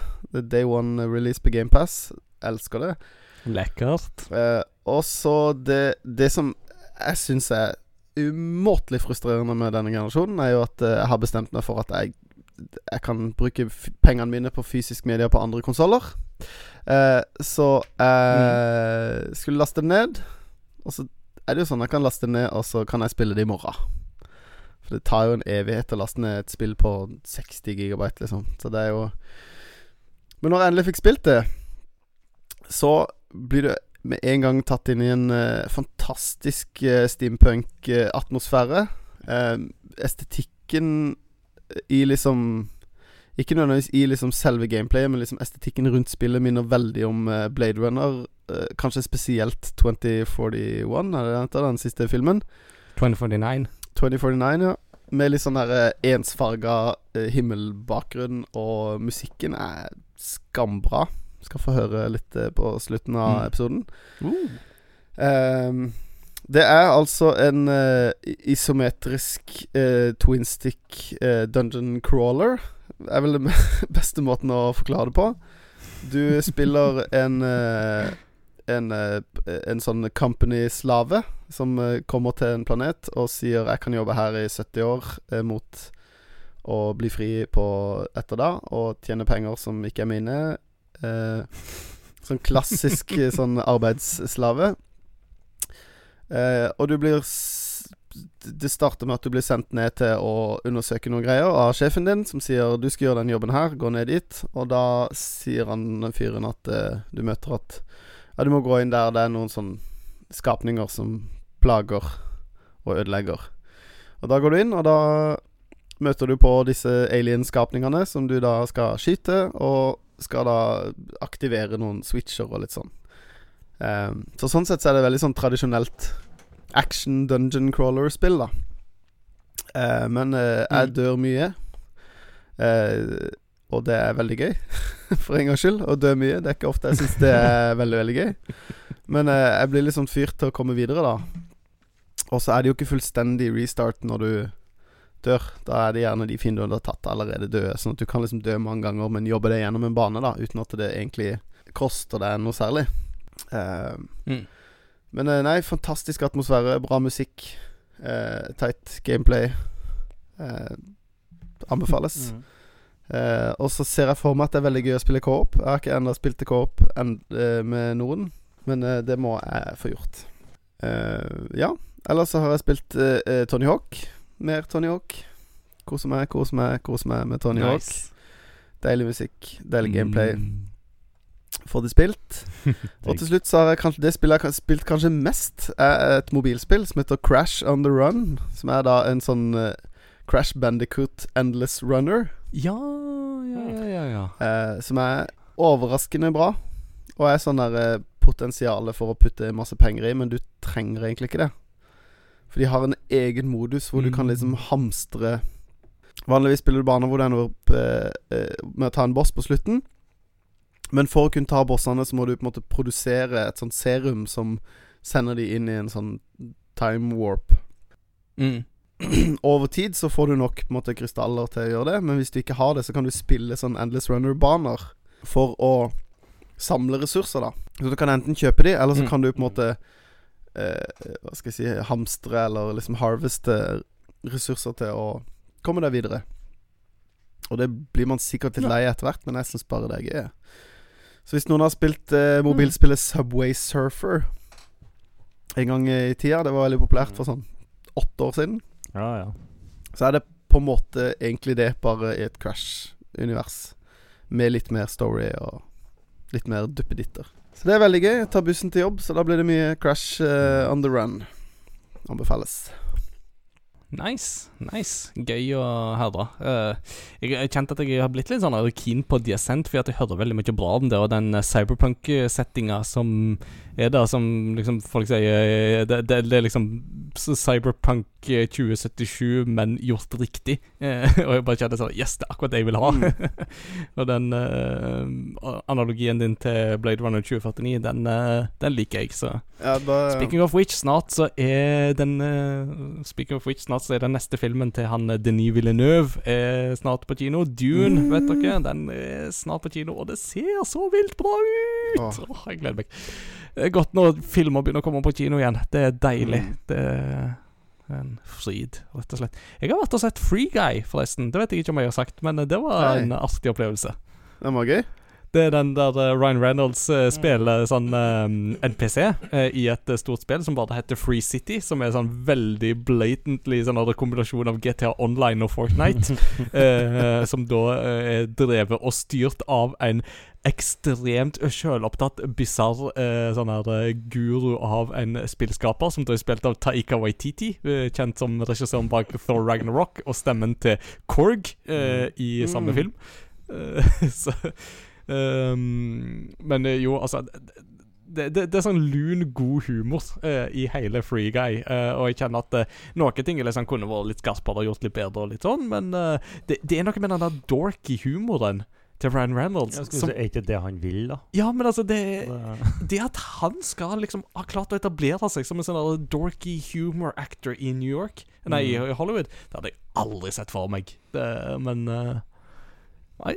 Det funker veldig bra. Veldig. Eh, anbefales å se den på, på et tidspunkt. Det var artig. Og noen sånne gøye spillreferanser og litt sånn her og der underveis. Eh, Noen litt uh, mer åpenbare enn de andre, men noen faktisk litt skjulte, som er sånn Når du ser de opptakene, så er sånn Ei! Nice. Så det er gøy.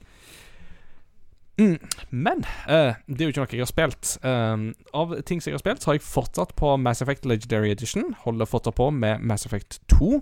Uh, nå har jeg blant annet spilt uh, den DLC-en som heter Lair of the Shadow Broker, som er en sånn legendarisk eh, eh, sak ifra Mass Effect 2. Um, dette, altså Mass Effect 2 var jo et av de spillene som virkelig var på en måte først ute med å pushe en del sånn DLC-innhold etter spillets lansering. Med da mye sånn story content som var interessant og bra etter at spillet var lansert. Mm. Og Lear of the Shadowbroker er et sånt sånn type DLC som er litt sånn at det, det husker du. Når, hvis du spilte det den back in the day, så husker du det. Uh, og det satt jeg liksom fortsatt og bare sånn Åh, yes! Dette. Åh, det spillet. Jeg koser meg fortsatt så utrolig mye med det. Og det er så masse bra humor og sånt der dag underveis. Sånne så små kommentarer og, og sånt. Så nei, mm. det er stas all the way. Men jeg har hatt litt pause, for eh, jeg har spilt noe for Game Reactor eh, som jeg kan snakke om, siden denne episoden kommer ut etter at anmeldelsen er ute. Og det er at jeg har spilt No More Heroes 3 på Switch. Kult. Um, Betyr, betyr det her at vi hører noe egentlig før du har lov til å snakke om det? yes, eh, det er oh my det. days. Så eh, det vi sier nå, det må dere ikke snakke om før fredag klokka to. Uh, men denne episoden kommer ikke ut før starten av neste uke, så da er det greit. Så mye makt. Hva kan du betale? Det. Betale ingenting, vet du. Det er det som er Nei da. No More Heroes. Um, er dette noe dere kjenner til fra før? Peter sier nei. Jeg har ikke spilt det, men jeg kjenner jo til serien. Ja, uh, da kan jeg jo ta liksom kjappversjonen. Um, no More Heroes har jo sin bakgrunn i Wii. Eh, og Wii var jo en konsoll der folk var liksom sånn Å, hvordan kan vi bruke denne kontrolleren her uh, med mest mulig gøy grad? Liksom Veive litt her og svinge Mm. litt og fekte litt og sånt. No More Heroes var da et uh, spill med 16 års aldersgrense, som da tok dette her til at du skal bruke Wii-kontrollen til å svinge en strålekatana. Uh, altså en beam-katana. Som da eh, hovedpersonen, antihelten Travis Touchdown, har vunnet på en nettauksjon. Som da tilfeldigvis kom med en sånn klausul om at eh, ja, hvis du overtar denne, så skriver du deg samtidig opp til å bli en del av United Assassins Association, eh, som da krever at du må da kjempe deg opp til å bli nummer én på rankinga, til å bli den beste assassinen i eh, landet. Eh, og det slenger selvsagt Travis Touchdown seg på, for han er en eh, tvilsom dude. Um, og, og da brukte man da Wiimoten selvsagt til å svinge fram og tilbake. Pluss da at denne her strålekatanaen Den gikk jo da tom for batteri. Så når den da går tom for batteri, så må du riste den opp og ned i det som ser ut som en veldig, veldig tvilsom bevegelse med hendene dine. Det er da den type humor som eh, da spillskaper Goichi Suda, eh, eller Suda51, eh, leg legger seg på med No More Heroes-serien. Ikke akkurat det man liksom forventa av et uh, Wii-spill back in the day, men eh, det som faktisk gjorde No More Heroes litt bra likevel, midt oppi all den der eh, tvilsomme humoren, var det at det var en del sånn der gode, sarkastiske take på på en måte Litt sånn eh, Altså disse assassinene som du møter på, de har ofte veldig mørke, dystre bakgrunnshistorier og sånt, og der er det ganske mye samfunnskommentarer og sånt som ligger til grunn, som gjorde at det første spillet var faktisk bra eh, midt oppi dette, for det hadde noe å fortelle. Det spillet kom i 2007, og så i 2010 så kom oppfølgeren No More Heroes 2 Desperate Struggle, som òg kom til Wii. eh, med liksom nye assassins som skulle elimineres. Og en fun fact i den forbindelse Da jeg skulle skrive prøveanmeldelsen min for Game Reactor, så var det No More Heroes 2 Desperate Struggle som jeg skrev om. Så det å nå da få lov å skrive om No More Heroes 3, det var liksom litt sånn sirkelen fullendes. Mm. Uh, uten at det dermed betyr at jeg skal slutte i Game Reactor, så jeg kan ikke helt Mm. bruke det bildet. Men uh, det var litt sånn Det hadde vært kult. Ja, ja, ja, men det, det var en sånn fin Ting falt liksom litt på plass med at jeg skulle anmelde No More Heroes 3. Eh, no More Heroes 3, da er det nye bad guys som skal elimineres. Denne gangen så er det en eh, gjeng fra verdensrommet. De kaller seg superhelter, men det er veldig lite heltemodig over dem. Uh, så de er basically alien bad guys, ledet av den onde lord Fu. Uh, Fu skrives da selvsagt FU, eh, med store bokstaver, så vi kan jo alle tenke oss hva det står for. Eh, og Travis må jo da nok en gang uh, kjempe mot uh, disse her, for da å bli galaksens største badass. Og basically ingen andre kan trumfe han. Samtidig som at han nå da redder verden midt oppi dette her. No More Heroes er på sitt beste når du er i kamp, og de kampene fungerer veldig bra som de skal. Da er det god hack and slash som gir litt sånn vibes til spill som Devil May Cry og Bayonetta og liksom de beste i sjangeren. Mm. Men det er ikke alltid at spillet er der. Uh, det sliter med den tekniske performancen. Dette er jo kun på Switch det kommer ut. Og en del av disse der boss, bossene som du møter på, er litt forglemmelige. Så den der eh, si, Det som gjorde bossene i enen og til dels toen så minneverdige, det finner du veldig lite av her. Det er Noen av bossene er jo sånn at jeg glemmer de så snart dere har slåss imot dem. Mm. Uh, og det er mye referanser til Suda 51s andre spill. Uh, ikke bare de gamle No More Heroes-spillene, men en del av hans andre spill òg, så du skal ha god kontroll på The Sudaverse, som jeg kaller det, for å liksom få fullt utbytte av spillet. Mm. Uh, det som gjør bosskampene litt minneverdige, er jo det at de er jo sjelden like. Så det er jo sånn I en bosskamp så må du gå på magnetiske poler på brettet Mm. for å liksom skape en motpol, sånn at skurk, uh, bad guyen blir støtt ifra deg, istedenfor at du blir dratt til han. Uh, mens i neste bosskamp så er du plutselig å leke stolleken. Eh, I kid you not. Det er stolleken der du må tappe til, et, til en metronom for at du liksom skal på en måte Du skal holde liksom gå i takt med musikken, som da er at du må trykke liksom på metronom. Og når musikken da slutter, så skal du springe inn og finne en stol. Og hvis du da ikke får tak i en stol, så er det en rosa uh, blob som sier 'Adrian!' Og så blaster deg med en energistråle, og så blir du til en rosa blob sjøl. Dette er weird, for å si det sånn. Altså, dette er all kinds of weird. Og noen ganger så må du bare flire litt over hvor weird det er. Det, det er noen sånne gode moments her og der. Men det mangler likevel liksom den derre Altså, det mangler en stram regi, det mangler en god story, det mangler liksom spiss sarkasme og Mm. liksom som, som treffer noe. Uh, Mm. Og når du ikke har det, da, da, da faller No More Heroes veldig sammen. For det er veldig tydelig at den formelen som det første spillet etablerte, er ikke nok til å bære en hel serie. Mm. Uh, selv om uh, Travis Touchdown fortsatt er en gøy antihelt å spille, ikke minst takket være godt stemmeskuespill. Mm. Um, gode side activities kunne gjort dette litt gøy, for du kjører jo rundt i en litt sånn GTA-lignende by, selv om den er ganske liten, men de sideaktivitetene som er i dette spillet, er gørrkjedelige, dessverre. Eh, pardon my French. Og da ble det litt sånn at uh, det, det, er noen gode ting her og der, men alt i alt, det er et veldig middels spill, og da ble det en veldig middels karakter fra min side òg. Og det var litt sånn det, det var ikke helt greia, dette her, dessverre. Kjedelig. Så Men eh, så, Dårlig reunion. mm. så litt dårlig reunion, da, rett og slett. Men eh, jeg setter samtidig pris på at det finnes et spill som No More Heroes 3, og at du har folk som Suda Goichi, som er litt sånn Altså, han er litt sånn i samme kategori som Hidio Kojima, som lager liksom Death Stranding og Metal Gear Solid, eller Mm. Uh, Sweary, som lager Deadly Premonition-spillene. Som Mm. bare er litt sånn der Jeg lager det jeg vil, samme hva folk Mm. måtte synes og mene om det. Og at det er litt sånn jeg, kan sette pris på det.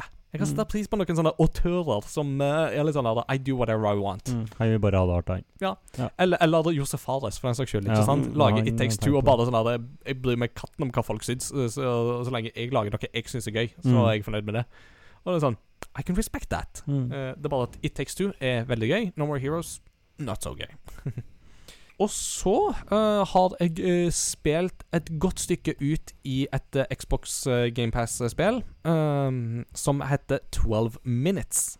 Det er Mm. noe kjent for dere. Ja. ja. Good. Eh, 12 Minutes er jo da et indiespill laga av um, Altså, konseptet er i stor grad utvikla av én kar. Du ser en leilighet ovenifra, og det er da, som tittelen eh, tilsier, det er tolv minutter som du gjenopplever igjen og igjen, og du må komme ut av denne loopen. En artig ting er jo det at eh, i pausen så snakket jeg om at jeg har nå introdusert madammen for eh, den gamle Spiderman-filmen fra 2002 med Toby Maguire og Willem Defoe. Um, på grunn av Spiderman Far From Home-traileren så har jeg funnet ut at jeg må utdanne henne i gamle Spiderman-filmer. Jeg skal ikke spille mer. Eh, men uh, Willem Defoe er jo en av de tre som har stemme i eh, 12 Minutes. For du har da en Mm. ektemann som kommer hjem, spilt av James McAvoy. som kommer hjem til kona, eller samboeren, som da er spilt av Daisy Ridley. Um, og mens etter at han liksom er kommet hjem, så banker det plutselig på døra, og da er det Willem Defoe sin figur som står på døra. Han sier han er politi, men du skjønner ganske fort han har skumle hensikter. Og disse tolv minuttene går jo da igjen og igjen og igjen, og etter hvert så må jo du jo på en måte Du må nøste litt opp i på en måte hvorfor går ting i loop. Hva er det som skjer her? Hvordan kan jeg åpne nye hint som driver historien videre, osv. Og og premisset er veldig gøy. Og det er Jeg er alltid litt sånn der OK, én loop til. Nå tror jeg at jeg vet hva jeg skal gjøre litt. OK, én loop til. Nå tror jeg jeg vet hva jeg skal gjøre. OK, en loop Altså, du kommer veldig fort i en driv da, der du er litt sånn Vil alltid prøve litt mer. Jeg er likevel liksom ikke helt solgt ennå på rollefigurene. Det føles liksom Det er noe her som mangler for at det skal liksom gå ifra til å være godt til å være veldig bra. Og stemmeskuespillet er litt skrantende. Ikke nødvendigvis kvaliteten i seg sjøl, men det er av og til liksom deliveryen passer Mm. liksom ikke alltid helt. Mm. Eh, så du føler at noen ganger så får du noe sånn der oppbrudd i dialog og litt sånn som føles litt unaturlige. Så hvis man hadde klart å få en bedre flyt i det sånn rent spillmekanisk, så kunne det fungert eh, enda bedre, tror jeg. Mm. Jeg har ennå ikke kommet til konklusjonen, så jeg er litt spent på å se hvor eh, dette bærer hen. Men da jeg spilte det sist, som var på mandag, så låste jeg liksom opp liksom med noe sånn som er sånn Yes, nå, nå fikk jeg en uh, ny progresjon Altså, nå fikk jeg noe som gir meg litt mer progresjon her. Som Mm. får meg til å nøste enda mer opp i mysteriet. Yes, da, da vet jeg hvor jeg skal gå videre herifra. Og så må jeg jo bare Mm. prøve å jobbe videre ut ifra det. Så det blir veldig spennende å konkludere mm, det. Mm. Um, og når jeg er ferdig med det, så er tanken å gå videre på Psychonauts 2.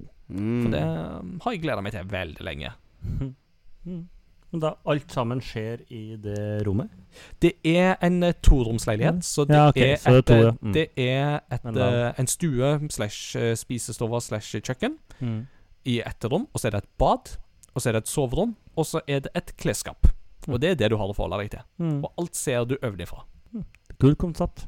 Veldig kult. konsept. Ja, det er veldig kult. Så um, har du GamePass, så sjekk det ut. Jeg har jo ikke GamePass, jeg har jo kjøpt uh, dette, men altså, um, det å støtte en indie-utvikler, det mm, er liksom ikke holdt på å si, det, det største tapet uh, for min del, sånn personlig. Uh, så um, Men har du GamePass, så bør du absolutt sjekke det ut for å liksom se. Og ikke les så mye om det og sånt. Eh, du må gå liksom reint inn. Altså, det er greit at du vet premisset, eh, men ikke les deg opp på liksom hint og sånt underveis. Eh, Prøv å finne ut av dette sjøl. Det er det som er Mm. gøy. Mm. Gå litt sånn gammeldags uh, veien når du må teste alt. Mm.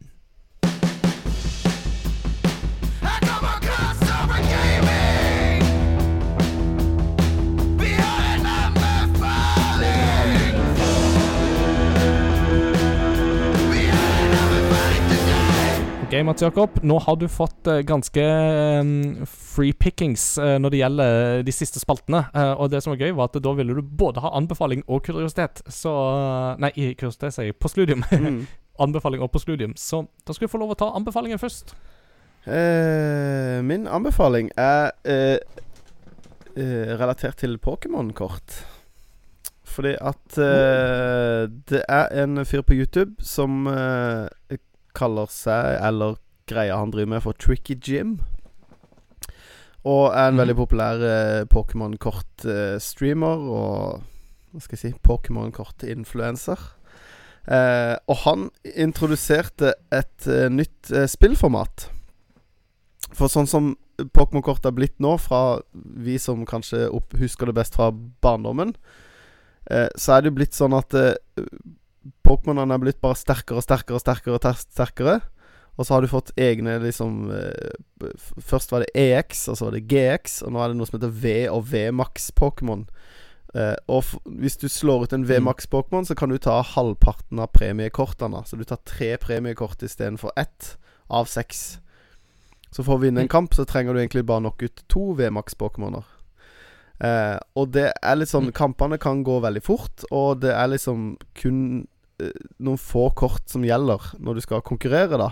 Fordi at det er åpenbart tre, kanskje fire kort som er veldig gode. Og i et dekk så kan du ha fire av alle kort, bortsett fra energy-kort. De kan du ha så mange du vil av. Men det er ikke lov å ha mer enn fire av ett kort. Um, og da er det nå han i Tricky Jim in introduserte et nytt format som han kalte for Gym Leader Challenge. Som da egentlig går ut på at du kun har lov å ha det som kalles for single price Pokémon. Altså du har ikke lov å ha disse her supersterke Pokémonene som tar flere enn ett premiekort Mhm. for å knocke ut. Det er ikke lov å ha mer enn ett av hvert kort, og det er kun lov å ha én eh, type. Altså du har kun lov å ha vann-Pokémon, f.eks. Du har ikke lov å blande. Ja. Som gjør at du kan ikke bygge et dekk med hvor du har fire av denne veldig gode Pokémon. Du må ha masse forskjellig. Eh, og du kan kun ha én av Mm. supporterkortene eller trainerkort eller tool cards. Som gjør at spillet Det formatet gjør at spillet ligner mer på sånn som det var opprinnelig. Med at det tar litt tid, og du har tid til å bygge opp. For det, sånn som spillet er nå, så, så eh, sitter man ikke egentlig og utvikler Pokémon sånn som man gjorde før, og legger på en Squirtle og så en eh, eh, War Turtle og så en Bla Blastoise. For dette, det tar for lang tid. Du, du rekker ikke det før den andre er oppe på en sånn En Pokémon som er kjempebra. Mens nå har du muligheten for å Mm. ta deg den tida, og jeg har spilt det litt med flere kamerater, og, og det er sånn Et game kan ta en time, og det har jeg jo ikke opplevd før. Fordi at det er mye jevnere, fordi at det tar tid. Og um, Og den største bonusen for meg er jo at eh, jeg har jo en svær sånn pappeske med masse sånne rader med kort. Og jeg har bare hatt en eske som har bare vært masse kort som jeg aldri bruker, fordi at du kjøper en booster pack, og så OK, var det ingen kort jeg vil ha. Men nå er plutselig veldig mange av de kortene interessante igjen. Mm. Ja. Fordi at de er gode i dette formatet. For den er kanskje er god single price, men den er ikke god i en kamp mot en, en kjempebra en.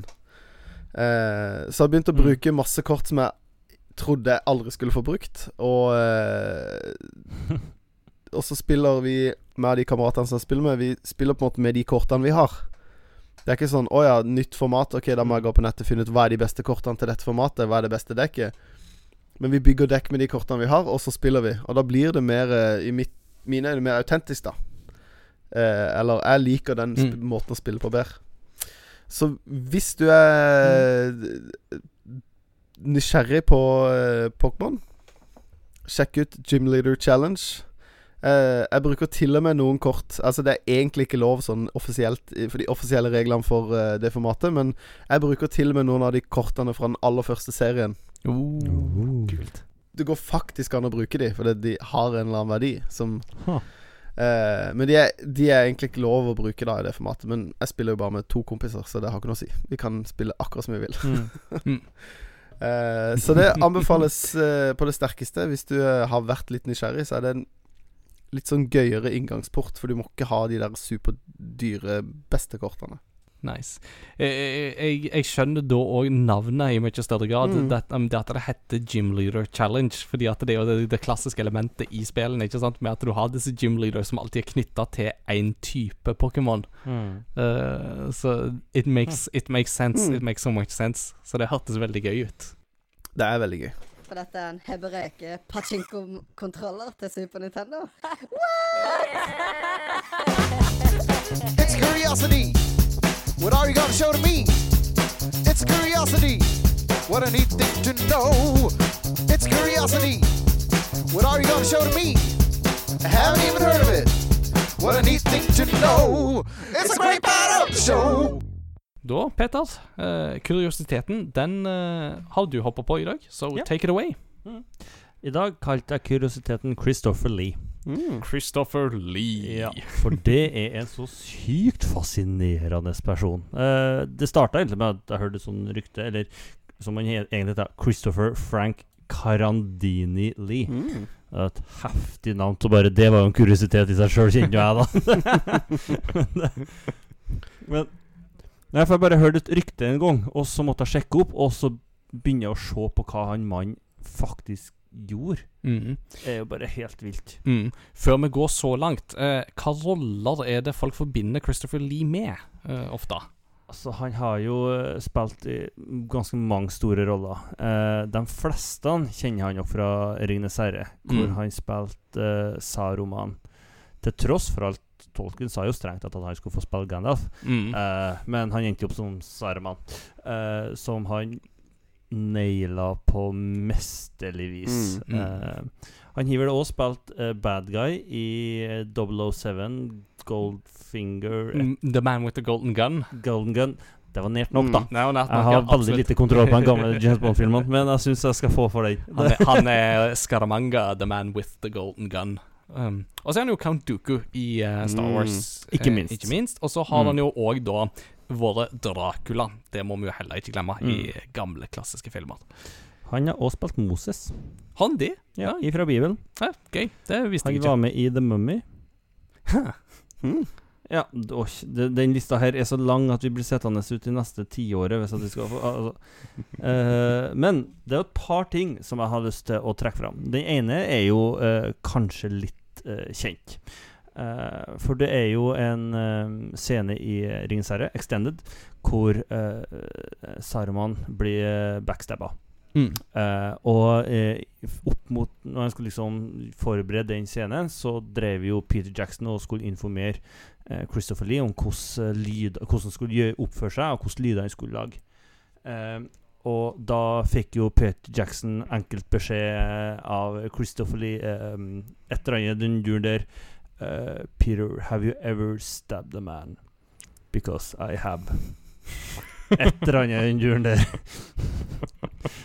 Så den lyden som uh, Christopher Lee lager når han blir da stabba i ryggen, er den mest autentiske filmlyden av en backstabber antageligvis i filmens historie. Ja, for da får du jo ikke en sånn ah, Men du får Nei, sånn da, det, mm. Så da kan vi fortelle at du, du roper ikke noe sånn her, men pusten blir bare slått ut av deg, så du klarer ikke å lage en lyd.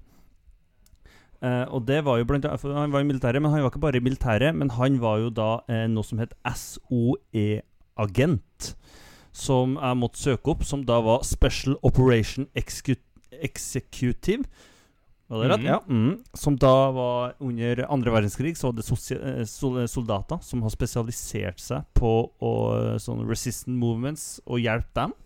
Og ikke minst det conduct espionage and sabotage operations. Eh, så det var han en del av. Og så kanskje det jeg syns var aller kulest, når du ser på eh, merittlista hans på Wikipedia. Han er både sanger og operasanger, og har gitt ut flere plater. Hvor den siste kom når han var 92 år, eller noe sånt. mm. Og jeg satt og hørte på dem eh, litt, og de er jo kjempekule! Ja. det, Da, da, det, det må fortelles, det er jo da konsept metal-album der han spiller rollen som Charlemagne, eller Carl Mm. den store. Eh, så, og det er liksom sånn der metal-opera, basically. Mm. Som er Så det, type. bare Altså, ja, hvis dere vil dere ha underholdende lesning, bare les Bare losse litt om Christopher Lee, for det, det er så mye sykt den mannen var gjennom. jeg, jeg, jeg fikk en, en tanke. Eh, Christopher Lee var jo tross alt en spesialsoldat som sneik seg rundt i andre verdenskrig og backstabba nazister, uh, bokstavelig talt, i ryggen. Tror du vi får lov å spille som Christopher Lee i uh, Call of Duty Vanguard? Oh. Kanskje jeg skal Ja, da, da ble det mer spill. Hvis vi får det, da skal jeg spille Call of Duty Mm. Vanguard. Definitivt. Så ja, nei, så da vil jeg bare trekke fram den mannen, for han er, Altså, jeg visste jo at han var legende, men det uppa liksom 13 hakk her. Så Mm. eh, Og så og så kunne han 18 språk. Det var Det også fascinerende. Så ja, nei. Christopher Lee, folkens. Good stuff. Good stuff. Mm. Da peiler vi oss inn mot et postludium, og episodens ende. Så Mons Jakob, hva har du lyst til å servere oss? Jeg tror du har tisa det litt allerede. Det har jeg. Det, vi skal få høre eh, sporet 'Welcome Home' fra The Ascent. Og komponisten heter Pavel Og så kan jeg ikke det som tilsynelatende ser ut som et polsk etternavn.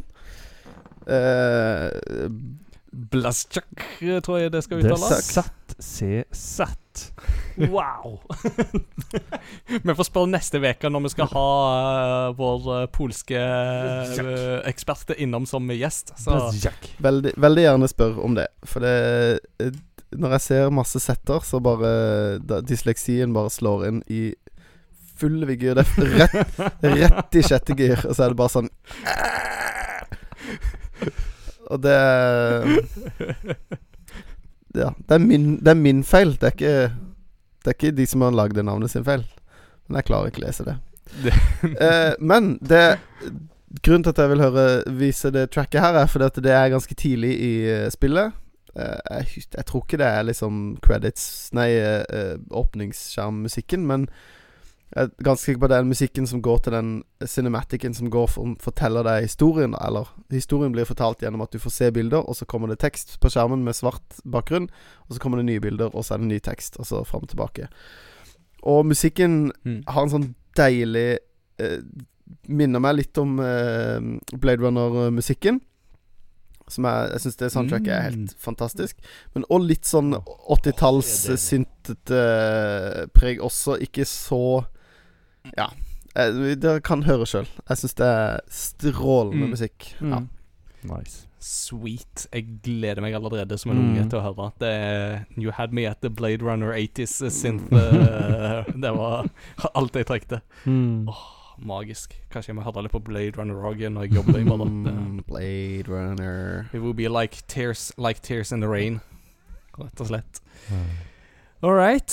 Episoden er ved veis ende. Um, og med det, Mats Jakob, så ønsker vi deg en uh, god pappaperm. eh, og må alt av uh, fødsel og hele pakka gå som det skal. Eh, may your uh, wife um, bear you a strong and healthy child. eh, jeg holdt på å si 'May you slaughter a thousand children', men det var ikke et veldig bra utsagn å komme med ifra. Det er fra um, uh, Malazan Book of the Fallen, der det er sånn How do you wish someone good luck in your culture? May you slaughter a thousand children. I see. Best of luck to you, then. Ja, nei, jeg skal, Så vi skal ikke jeg skal ikke drepe masse barn, men eh, jeg skal sannsynligvis få et til. Eh, Ja. Takk for at du sa det. Vi var, vi var litt du var i tvil? Ja. For det er derfor jeg får Ja, barn. Men nå sa du det, så da Det er, det er målet mitt med å få barn. mm, det er det. Jo, det gjør det. Men jo, uh, masse lykke til. Og du forsvinner Mm. jo ikke. Eh, du vil jo henge i Discord og kommer jo til å plugge Diasent eh, for alle penger. Og komme som sagt med når vi skal kåre Golf Game of the Mm. Year og hele pakka. Og så lukter vi på nyåret og ser eh, litt an hva tid og eh, krefter eh, og ikke minst leggetid tillater. Og så ser vi fram til å mm, høre dine innspill litt sånn underveis, hva du har spilt og litt sånt. Og Discord er jo definitivt arenaen for å få noen sånne her juicy inputs nå og Mm. da. Så hvis Mm. folk ikke er der, så må de bare slenge seg på der. Peter, du og meg, vi er tilbake neste uke, og vi har allerede fått med oss en gjest, så det blir veldig spennende. Eh, forhåpentligvis så får vi tatt opp på samme lokasjon. Det får vi jo se hva tekniske ting og eh, forhåpentligvis eh, lavt smittetrykk tillater. Mm. Inntil da så sier vi takk for nå, og vi snakkes ved neste korsvei. Ha det bra! Ha det!